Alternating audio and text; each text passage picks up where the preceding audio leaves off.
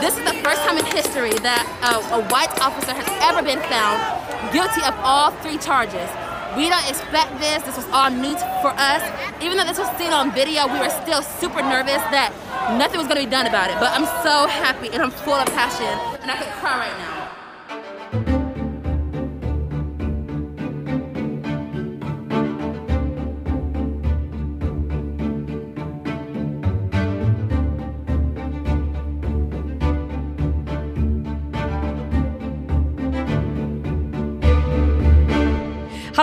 Och varmt välkomna till Aftonbladet Utrikes, podden som handlar om allting som händer utanför Sveriges eh, gränser. Jag heter Jenny Ågren och jag har med mig min partner in crime, såklart, ni vet, Davud. Hej! Halloj! Hur mår du? Jag mår kanon. Vad härligt att höra. Ja. Jaha. Du, eh, några av våra trogna fans kanske undrar var vi har hållit hus. Och det är ju helt enkelt så att ibland har vi för mycket att göra. Och vi har haft ett eh, intensivt arbete med bland annat Melodifestivalen och eh, pandemin bakom oss. Ni vet, Mm. vad har du hållit på med? Ja, men jag har då inte jobbat så mycket med Melodifestivalen, men Va? snarare med eh, coronapandemin. Jag eh, rattar ju den här eh, coronachatten som vi har på aftonbladet.se och har gjort lite tv och lite sånt där man kan fråga mig om eh, all things Rona. Vad har du gjort? Ja, jag har väl då lite mer jobbat då med Melodifestivalen. Vi gjorde ju en podd om Melodifestivalen som tog väldigt mycket tid. Mm. Men var väldigt roligt. Men det gjorde ju också att vi var tvungna att pausa utrikes lite. Ja, Men nu är vi redo att köra igång det igen. är ju aldrig slut med utrikes om vi säger så. Nej, vi tycker att det har varit ganska mycket pandemi. Men nu de senaste tiden så har det hänt så mycket utrikes. Ja, precis. Och du och jag har ju också snackat i Aftonbladet Daily. Det har vi gjort. Där kan man också eh, få nyheter om utlandet, om Ja, man vill ha det. precis. Eh, ja, som sagt, pandemin pågår i fullt eh, om runt i världen. Och, Eh, men vi tänker att vi behöver ha koll på annat också. Därför ska vi i nypremiären av podden nu ta oss över Atlanten och ta oss an allting som hänt kring rättegången mot Derek Chauvin, polismannen som nu har dömts för att ha dödat George Floyd. Samtidigt som rättegången håller på så dödades ytterligare en svart man av en vit polis i Minneapolis. Polisen Kim Potter sköt Daunte Wright när de stoppade honom för att hans registreringsbevis hade gått ut. Och Det ledde också till nya protester och demonstrationer. Så vi ska gå igenom allt det här. Vad kan den senaste dödsskjutningen ha inneburit för utgången av rättegången i George Floyd-fallet? Och vad innebär det nu för USA som land, men också för polisen, att en polis har dömts för ett mord i tjänsten? Eh, vi ska också snacka med vår korrespondent i USA, Emily Svensson. Vi ska snacka med henne om hur demonstrationerna har varit i Minneapolis men också på hur reaktionerna har varit kring att eh, domen nu har fallit. Ni vet, är du redo? Jag är redo. Då kör vi igång. Och jag tycker ändå så här att det är bra att börja med lite bakgrund kring Mm. allting. Vad är det som ligger till bakgrund kring allt det här med George Floyd? Ja, men eh, det var ju så att för nästan exakt ett år sedan, i maj eh, förra året, så gick eh, 46-åriga George, George Floyd, som är afroamerikan, eller som var afroamerikan, han gick in i en butik och köpte ett paket cigaretter med vad de anställda där misstänkte var en falsk 20-dollarsedel. Så efter att han hade handlat så gick de ut och försökte få honom att lämna tillbaka det här paketet med cigaretter. Det ville han inte, så då ringde de polisen. Eh, och när polisen kom dit så tog de ut honom ur bilen eh, och ville sätta honom i sin polisbil. Eh, och han gjorde lite motstånd då. Och då be- bestämde man sig för att gripa honom och lägga ner honom på marken istället. Och där eh, så eh, beslutade sig eh, polisen eh, Derek Chauvin för att eh, lägga sitt knä över George Floyds nacke. Och eh, det här eh, fångades upp på väldigt många filmer. Det var flera vittnen som såg det här. Det hände liksom mitt på ljusa dagen. Och eh, det pågick i eh, över nio minuter att eh, han hade kvar sitt knä på nacken och George Floyd flera gånger sa att jag kan inte andas, I can't breathe. Och eh, bland annat ropade efter sin mamma. Eh, och flera av vittnena också sa till att ni måste kolla hans puls och ni måste eh, ni måste lyfta det här eh, knät mot hans nacke. Han säger ju att han inte kan andas. Och det här skedde ju också mitt under coronapandemin när väldigt många var hemma, eh, satt på sociala medier och såg allting. Och man kunde liksom se förloppet från början till slut. Eh, och det här slutade ju med att eh, George Floyd eh, tappade medvetandet och ehm, eh, avleder till slut. Eh, och det gjordes inga eh, hjälpinsatser eh, från polisen, utan eh, Derek Chauvin fortsatte att hålla sitt knä över hans nacke eh, tills dess att ambulans eh, kom. Och ambulanspersonalen fick säga till honom att eh, Eh, du, kan, du kan släppa greppet nu.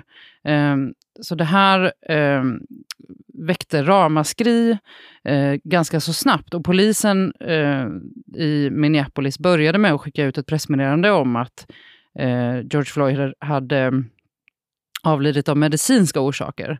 Eh, men snabbt då så kom ju de här filmerna ut. Och det blev startskottet för eh, högljudda protester. Ja, vi kommer lite till protesterna, men vad hände med Derek Chauvin direkt efter det här? Ja, men han och eh, ytterligare ett antal poliser som var med vid det här ingripandet, de fick sparken. Ehm, och eh, det, man, det följdes ju åt, kan man säga, protesterna mot um, mot eh, det som hade skett, men också mot att eh, Derek Chauvin, som, han fick sparken och greps, eh, men kunde sen eh, släppas mot borgen.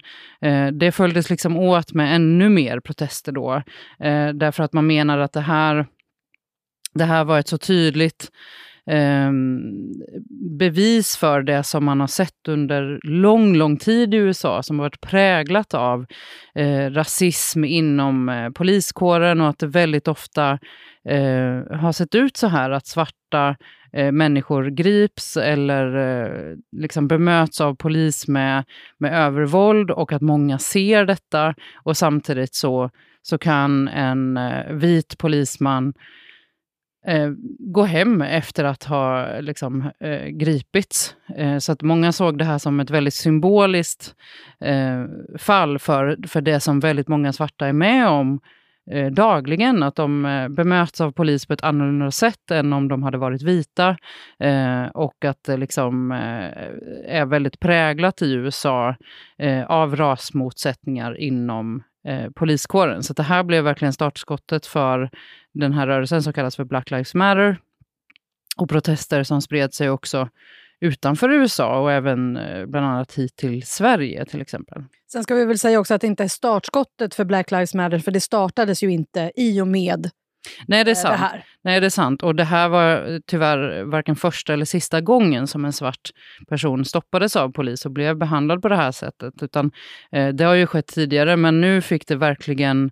Eh, det blev verkligen eh, ett, ett, en nystart kan man väl säga för, för den här rörelsen som har pågått under eh, lång tid men som verkligen fick stor uppmärksamhet nu. Eh, och det blev tydligare också vad den här rörelsen eh, Eh, vill genom de här protesterna. Att, eh, de har eh, tidigare kanske mest sagt att Black Lives Matter, men nu kom också slagord som defund the police, att man ska eh, göra stora förändringar eller kanske till och med eh, sluta Um, ge pengar till polisen, alltså eh, att delstaterna ska minska sina anslag till polisverksamhet. Uh, så det här blev ju en mycket bredare rörelse och som sagt, den spreds ju också utanför USA. Ja, och vi ska ju också prata om vad det här eh, kan innebära nu för polisen om de behöver reformeras eh, och förändra sitt arbete eh, lite längre fram i podden. Men sen blev det ju så att det har blivit en rättegång mot Derek Chauvin. Ja, det stämmer och den började nu i eh, mars och eh, höll på i ungefär tre veckor och eh, så kom ju då dom eh, under tisdagskvällen. Just det, och eh, den har alltså pågått då i tre veckor. Det har varit väldigt många vittnen och vi kan väl också bara gå igenom lite vad åklagarsidan och försvaret har sagt under rättegången. Vad, vad har åklagarsidan sagt? Ni vet? Ja, men de hade ju väldigt många vittnesmål från eh, de här olika personerna som, som stod och såg detta och väldigt många som filmade. De hade ett 40-tal vittnesmål totalt. Eh, och så filmer eh, både från övervakningskameror, från människor som filmade, också från polisernas kroppskameror. Eh, och dessutom så eh, hade åklagarsidan eh, polischefen i eh, Minneapolis på plats som sa eh, att Derek Chauvin gjorde fel eh, när han eh, behöll knät på, eh, de, eh, på George Floyds nacke under så lång tid. Man får använda det greppet när den man griper gör motstånd, men man ska inte ha kvar knät ehm, eller sin, sin kroppsdel på personen som man har gripit eh, under så lång tid. Det här var ju över nio minuter som sagt. Och det är väldigt ovanligt att en polischef, eh, liksom, alltså att poliser överhuvudtaget vittnar mot andra poliser och är så tydliga att det här var fel. Mm, och det här har väl den här polischefen också hyllats för? För att ja. han faktiskt har Precis, för det är inte första gången som polischefen säger det här. Men det blev ju verkligen en stark Ehm, en, en eh, tyngd på det från åklagarsidans eh, håll. Mm, och sen då, försvaret? Ja, men de har velat eh, lyfta fram att eh, George Floyd eh, hade... Mm, att det, att det kanske var så som, som han sa i det där första pressmeddelandet, att eh, han eh, kan ha avlidit av andra orsaker än eh, Derek Chauvins knä mot hans nacke. att han till exempel hade ett svagt hjärta efter flera år av narkotikamissbruk och att han också hade droger i, i kroppen under det här under den här eh, händelsen. Ehm, men ehm, eh, man har också lyft fram att, eh, att man inte tycker att Derek Chauvin gjorde något fel, utan att han följde ja, men de instruktioner som finns för poliser vid ingripande. Vi har inte fått höra från Derek Chauvin. Han valde ju att liksom inte berätta sin story, eller sida av det. Nej, det stämmer. Han, han valde eh, att, eh, att inte höras, att vara tyst. Och det är hans fulla rätt.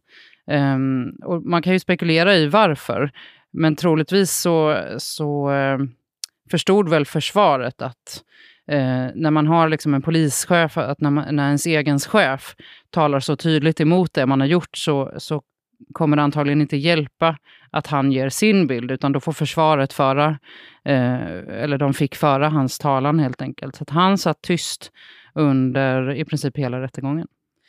Och nu har alltså domen, domen fallit. Han döms för att ha dödat eh, George Floyd, men vi vet ännu inte hur länge eller vad han döms till. Nej, precis. Eller det är väldigt troligt att han, eh, han kommer att få fängelse. Eh, för den, de här tre åtalspunkterna som alla Eh, på olika sätt beskriver dråp eller vållande till annans död. Eh, det är eh, brott som leder till fängelsestraff. Men eh, den exakta påföljden den beslutas först om, eh, jag tror att det är åtta veckor. Och, och det är inte något speciellt egentligen, utan det är så som det ser ut.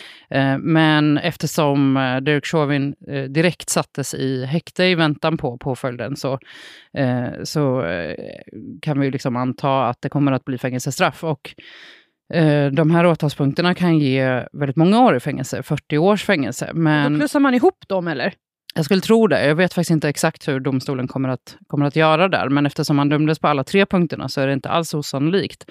Men eftersom han eh, är ostraffad sedan tidigare eh, så, så tror experterna att han kommer landa på någonstans 12 års fängelse ungefär. Mm. Men han var ju inte ensam på plats. Det var ju fler poliser där som också nu är åtalade, men de har inte, de har inte varit i rätten ännu.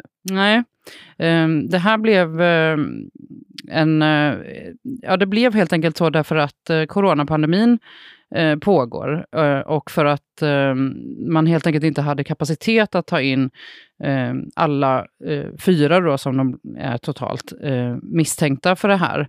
och då valde man att dela upp rättegången så att det blev den först den första blev mot Derek Chauvin i, um, nu då under våren. Och de andra tre som också är misstänkta, som också fick sparken, uh, ska sägas, de kommer att uh, möta domstolen i augusti. Och då och kan de... man nästan tänka sig så att de också fälls då. Alltså hade han friat så hade det varit konstigt med en Ja, man kan tänka så. Eh, om, man, om man ser till det svenska rättsväsendet ja. så skulle det kunna bli så. Men eh, det är så här i USA att de, de här åtalspunkterna, just nu eh, är de, handlar de om liksom medhjälp till de brotten som, eh, Derek Chauvin har dömts för. Men eh, man kan ändra eh, på åtalspunkterna ända in på slutet. Eh, så det är mycket möjligt att de eh, kan ändras nu när man vet vad Derek Chauvin, hur det utslaget eh, har blivit. Eh, att man eh, skruvar åt helt enkelt åtalspunkterna. Men just nu är de i alla fall att det är medhjälp till eh, ja, men dråp då, som, eh, som Derek Chauvin dömdes för. Vi får se helt enkelt när den rättegången börjar i augusti. Eh, George Floyds familj, det har vi fått veta att de fått ett rekordstort skadestånd. Mm, av staden eh, Minneapolis. Eh, för de valde ju också att stämma staden för att eh, deras familjemedlem avled under, eh, ja, men, under tiden som, som stadens eh, anställda, polisen alltså, eh, hade honom i sitt eh, grepp. Eh, så de har fått ett stort eh, skadestånd av staten. Och ehm, de har ju också följt rättegången. Vissa av dem har till och med varit på plats och ja, men pratat om att det här är viktigt för hela Minneapolis. Vi kommer aldrig få tillbaka George Floyd, eh, men eh, det här är liksom eh, ett steg i rätt riktning nu. Eh, den här domen som ju eh, är väldigt unik. Det är ju väldigt ovanligt att en, en eh, vit polisman döms för eh, det han har gjort mot, eh, mot en eh, afroamerikan i USA. däremot så är det ju väldigt vanligt att afroamerikaner utsätts för övervåld eller liknande av vita poliser. Det finns det statistik på att den gruppen är överrepresenterad eh, när, det, när det kommer till sådana här händelser. Och väldigt många svarta i USA pratar om att eh, man är rädd för varje gång man ska möta polisen därför att man vet aldrig hur det kan sluta och väldigt ofta så kan det sluta så som i George Floyds fall, att man, att man avlider. Vi ska eh, komma tillbaka lite till hur eh, reaktionerna har varit Eh, kring domen mot Derek Chauvin om en liten stund. Men det var ju så här eh, att trots att polisen i USA gärna försöker göra det här kring George Floyd till att det har handlat om ett rötägg i poliskåren så vet vi ju att så inte är fallet. Det pratade Invett också om precis här. Problemen med rasismen i USA är stora och även inom polisväsendet. Den 11 april i år så stoppade polisen i samma stad, Minneapolis, 20-årige Dante Wright för att hans registreringsbevis hade gått ut. Men hela situationen urartade och en av poliserna, Kim Potter, sköt Daunte Wright. Ni vet. Vad vet vi mer om det här? Även det här fångades faktiskt upp på, på eh, film. Så vi vet en del. Eh, och det är att man kan höra att Kim Potter säger att hon ska använda sin elpistol. Hon skriker taser. Eh, flera gånger faktiskt innan dess att hon eh, istället då skjuter Daunte Wright. Hon, eh, polisen eh, ha, eller Polismyndigheten har sagt att det här var en olyckshändelse. Eh, och hon har också eh, sagt upp sig eh, från, från sitt jobb. Eh, och eh, har eh, ja, misstänks nu för att ha dödat Daunte Wright. och det här hände ju som du sa inte alls långt ifrån eh, domstolsbyggnaden där Derek Chauvin hördes eh, och där, där rättegången pågick mot honom. Eh, så det här blev ju liksom eh, eld på, vad säger man? Eld på lågorna säger man inte, men eh, det, det liksom eh, eskalerade ju eh, den stämning som, som redan eh, finns i Minneapolis och i USA, att nu har det här hänt igen. Eh, vi får se hur det går med det fallet, för att det har inte Ja, det pågår fortfarande den eh, utredningen. Det ska också sägas att Kim Potter, precis som eh, Derek Chauvin, eh, var en erfaren polis, hade jobbat i väldigt många år och just eh, och Kim Potter hade, eh, jobbade dessutom med eh, att utbilda andra poliser. Eh, så väldigt många frågar ju sig hur det kan ha gått så fel, att hon tog fel, eh, men fel vapen och att det slutade då med dödlig utgång. Ja, men ni vet, då tar vi och kallar in vår korrespondent i USA, Emily Svensson. Emily, hallå! Hallå, god morgon! Hur är läget i USA just nu? Ja, men det känns som att stora delar av USA bara har pustat ut. För det har ju varit så extremt laddat och spänt nu under hela den här rättegången. Och framförallt egentligen det senaste dygnet när juryn har haft överläggningar. Så det här var liksom en lättnadens suck nästan som drog över landet. För eh, många tror att det hade varit en enorm ovisshet och ilska som hade spritt sig om han frikänts. Ehm, så det här var en utgång som många hoppades på, men som man kanske inte förväntar sig efter att ha blivit svikna gång på gång i, i det afroamerikanska communityt. Emily, du var ju ute på gatorna efter att eh, domen hade kommit. Hur var, hur var det? Ja, men det var väldigt starka känslor. Eh, jag var ute i New York som du säger igår och det välde ut tusentals på gatorna som ropade George Floyds namn, som marscherade och sjöng. Men vissa hade en del allvarsamhet i rösten också och tyckte att det här är visserligen bra men bara ett första steg egentligen och att man måste få till de här polisreformerna som man pratat om det senaste året. Eh, och många hoppas att just den här utgången kan ge ringa på vattnet för liknande fall där svart också drabbats av polisövervåld i landet. Eh, och liknande tongångar hörde vi också från olika politiker såsom Joe Biden, Kamala Harris, Obama och många fler efter domen igår. Hur var eh, snacket kring eh, rättegången? Du sa det lite att folk hade varit oroliga för att han inte skulle fällas. Ja, de jag pratade med just igår, de hade varit jätteoroliga. Många kunde liksom inte tro att det var sant riktigt. Särskilt inte att han fälldes på alla tre åtalspunkter. Eh, men många hoppades ju att den här gången var det så brutalt, det var fångat på film, att landet liksom inte skulle kunna titta bort längre. Och många anser att man har nått en slags brytpunkt vad gäller de här frågorna i USA. Och sen var det ju så, Derek Chauvin valde ju att inte prata i rättegången. De som du har pratat med, hur har folk reagerat på att han inte berättade sin sida av saken? Ja, men en del uppfattar det som lite fegt. Men om han hade hörts av sin försvarare så hade det inneburit också att han korsförhörts med tuffa frågor från åklagarsidan inför alla livekameror om vad han tänkte under de där nio och en halv minuterna när han pressade sitt knä mot George Floyd.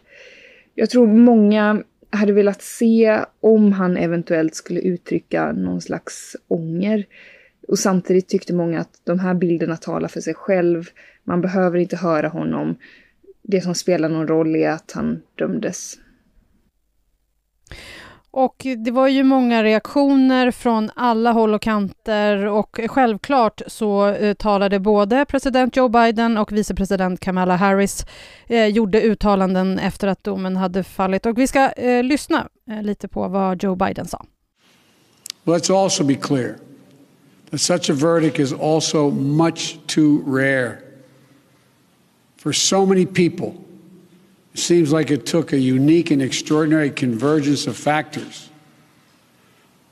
A brave young woman with a smartphone camera, a crowd that was traumatized, traumatized witnesses, a murder that lasts almost 10 minutes in broad daylight for ultimately the whole world to see. Officers standing up and testifying against a fellow officer instead of just closing ranks, which should be commended. A jury who heard the evidence carried out their civic duty in the midst of an extraordinary moment, under extraordinary pressure. For so many, it feels like it took all of that for the judicial system to deliver a just, just basic accountability. Ja, så här sa alltså Joe Biden. Eh, vad, hur har hans tal tagits emot i USA, Emily? Ja, men många tycker att eh, han gick ju till val mycket på de här frågorna om att få till eh, polisreformer och, och ena landet på något sätt. Så det har tagits emot väl att han kliver fram och pratar om det här. Och vi ska också ta då och passa på att lyssna lite på vad Kamala Harris också sa samtidigt. Here's the truth about racial injustice it is not just a black America problem or a people of color problem. It is a problem for every American.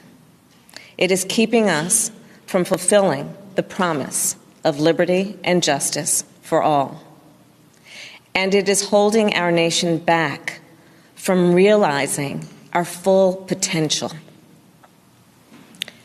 We are all a part of George Floyd's legacy. And our job now is to honor it and to honor him. Ja, Kamala Harris eh, påpekar ju här att det inte bara är afroamerikaners problem med den här rasismen, utan det är hela nationens problem. Emily, hur har folk reagerat på hennes tal? Ja, men det, många tycker att det ligger någonting i det. Att det här är ju någonting som man måste komma samman för. Att det är inte bara ett problem hos eh, en viss grupp i landet, utan eh, det är eh, vita och svarta och eh, måste komma samman och, och försöka lösa det här. Du var ju också på plats i eh, Minneapolis i förra veckan när det var eh, demonstrationer efter att polisen Kim Potter sköt eh, 20-åriga Dante Wright. Kan du berätta om det? Ja, först var det lugna protester, men så, for, så fort mörkret föll så blev det genast mer intensivt och laddat. Det var en väldigt kaotisk situation med sammandrabbningar mellan polis och demonstranter. Det kastades flaskor, smällare. Det var utegångsförbud och kom flera varningar på mobilen. Eh, det var polis, nationalgarde, delstatspolis som förklarade det här som en olovlig sammankomst och man började gripa folk. Eh, bara ett kaos av tårgas, gummikulor, pepparspray. Eh, det var en väldigt svårarbetad situation. Eh, och man märker hur de här frågorna kokar under ytan hela tiden och hur protester kan blossa upp. Eh, men i och med Floyd-rättegången så tror jag många har fått hopp om att man kan åstadkomma någon slags förändring. Mm, för det är ju också så, eh, det finns en hotbild mot den här polisen som sköt Daunte Wright Kim Potter, eller hur? Ja, precis. Hennes adress läcktes ju online och polisen har barrikaderat hennes hem med stängsel och betong eh, och man vaktar på hennes gata. Eh, och man har satt upp det här för att skydda mot brand i ett bostadsområde om någon skulle bestämma sig för att gå vidare med sina hot, säger eh, kommunikationsansvariga där hon bor. Och när jag var där i förra veckan så satt det lapp appar och skickades ut varningar till mobilen till alla som körde, körde in i området om att man kunde eventuellt vänta sig protester där. Vad väntar henne nu? Ja, hon har hörts en gång via ett fem minuter långt videosamtal. Hon sa ett fåtal ord och bekräftade i princip bara vad domaren sa. Och nästa gång som hon ställs inför domaren den gången, det är 17 maj. Men än så länge är hon ute mot borgen eh, för motsvarande 800 000 kronor. Eh, vilket många demonstranter som jag pratade med också var upprörda över. Eh, maxstraffet för den här åtalspunkten är 10 år i fängelse, men det bedöms som extremt osannolikt att hon får så mycket. snarare kanske ett straff på 4 år enligt riktlinjerna. Om hon döms, vill säga. Kan det ha förändrats nu efter att Derek Chauvin dömdes för mord, eller för att ha dödat George Floyd. Ja, men många tror ju att det här kan vara något slags litmustest, att det här kommer påverka även framtida fall. De här eh, protesterna, Black Lives Matter-protesterna, handlar ju om att man vill se en förändring inom polisväsendet och rättsväsendet. Har det blivit förändringar i Minneapolis sedan eh, George Floyds död? Alltså två veckor efter Floyds död så gick flera ur stadsfullmäktige ut och lovade att man skulle reformera polisen i grunden och till och med nedmontera polisen så som man kände till det idag och börja om från början. Men idag har många politiker ändrat sig och de här försöken när man lovade förändring har i princip kollapsat. Eh, en del säger att man uppfattat de här begreppen väldigt olika, att det inte handlade om total nedmontering utan omfördelning av resurser. Ehm, och idag är det färre poliser på gatan i Minneapolis, främst på grund av pandemin och att många har slutat just på grund av eh, protesterna efter Floyds död. Och kriminaliteten har ökat i stan Därför har borgmästaren inte heller velat skära ner antalet poliser eller skära för mycket i budgeten. Det som är nytt i Minneapolis och hela delstaten, det är att man förbjudit olika slags grepp som kväver eller stryper syretillförseln. Så även Chauvins grepp, eller vad man ska kalla det. Eh, att man vill försöka få poliser att deeskalera situationer istället. Men många aktivister säger att det här är helt tandlöst, att det är idealistiska mål men lite bakom. Och många är liksom trötta på att man naggar i kanterna men att det inte sker något ordentligt. Eh, att man verkligen måste få till ordentlig förändring. Emily, vad tror du kommer hända i USA nu de närmaste dagarna?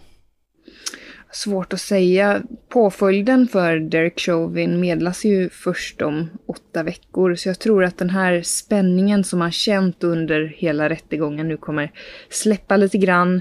Man väntar på det beskedet och vad som, hur många år i fängelse han kommer få. Och så hoppas man att det här kan leda vidare till fler reformer och, och verkligen den där förändringen som många hoppas på. Tack för nu, Emily.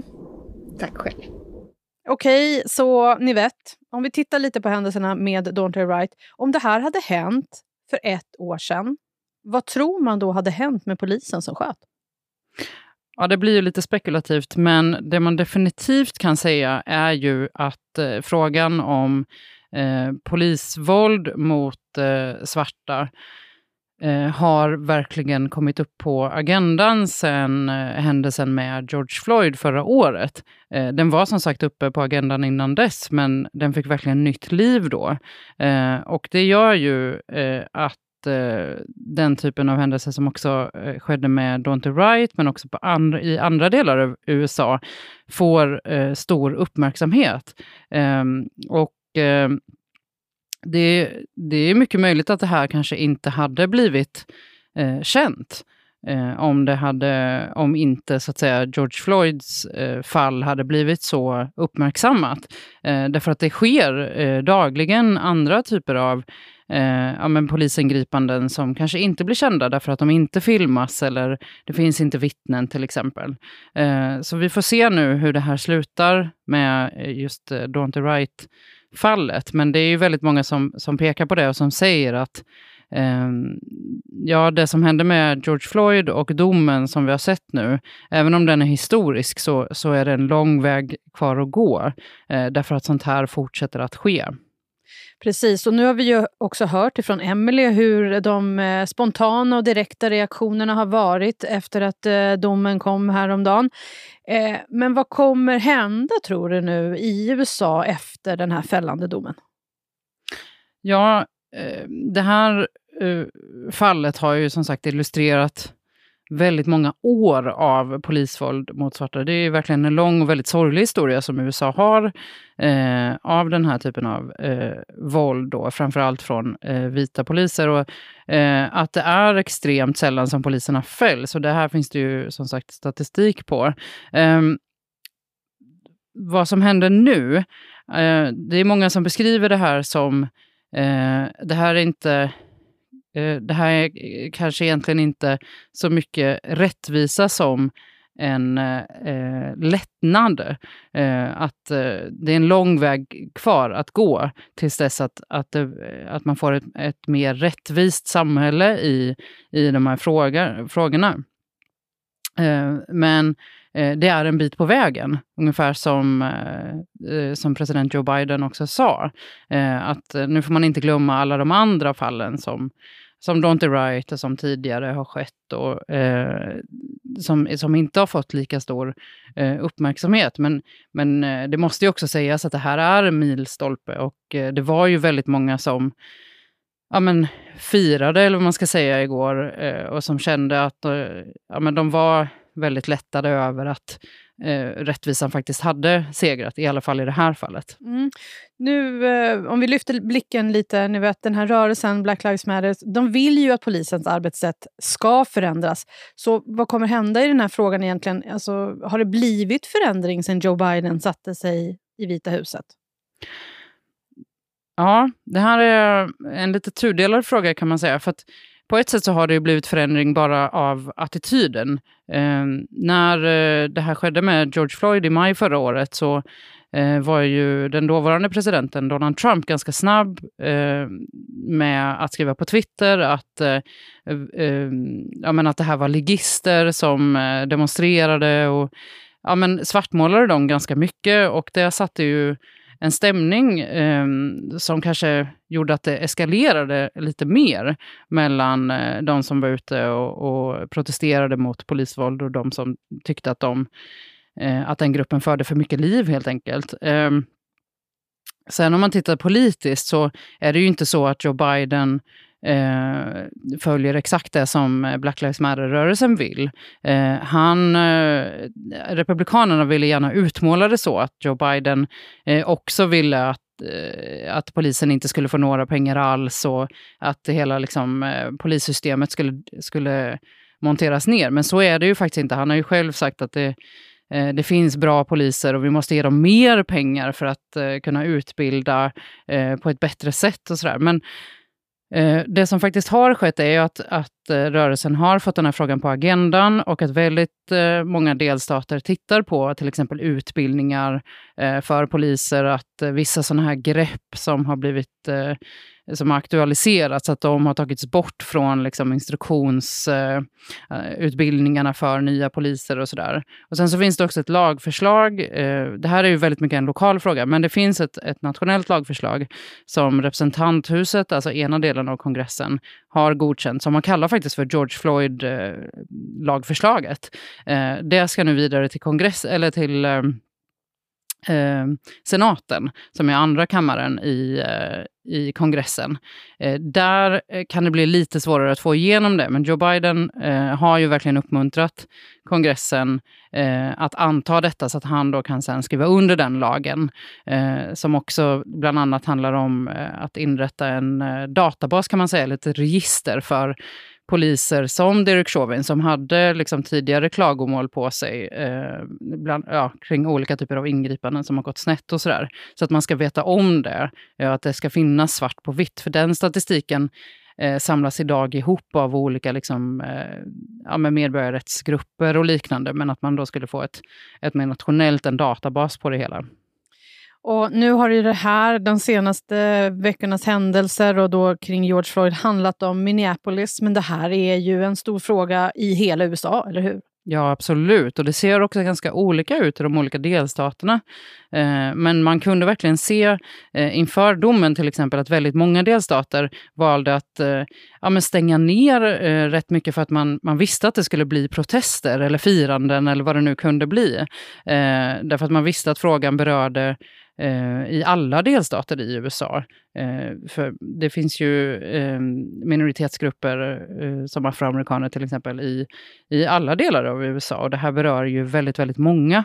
Eh, och eh, det ser också såklart lite olika ut. Det här säger vi alltid när det kommer till USA, hur långt man har kommit i de här olika polisarbetena eh, eller arbetena med liksom, polisutbildningar och liknande. Och, och vissa delstater har eh, kommit ganska långt, som Minneapolis till exempel, där man diskuterar det här väldigt aktivt. Och andra delstater eh, har inte kommit lika långt. Men det har skett rätt mycket förändringar eh, bara under det senaste året lokalt i, i, ett, i majoriteten faktiskt av, av delstaterna.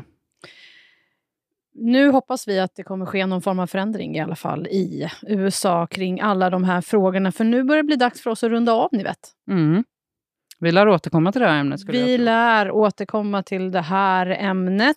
Eh, tack för idag, ni vet. Tack själv.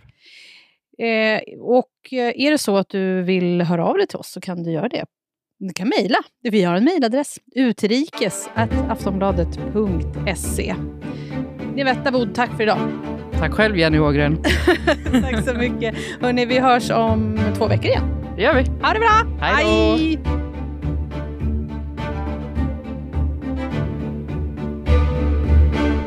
Du har lyssnat på en podcast från Aftonbladet. Ansvarig utgivare är Lena K Samuelsson.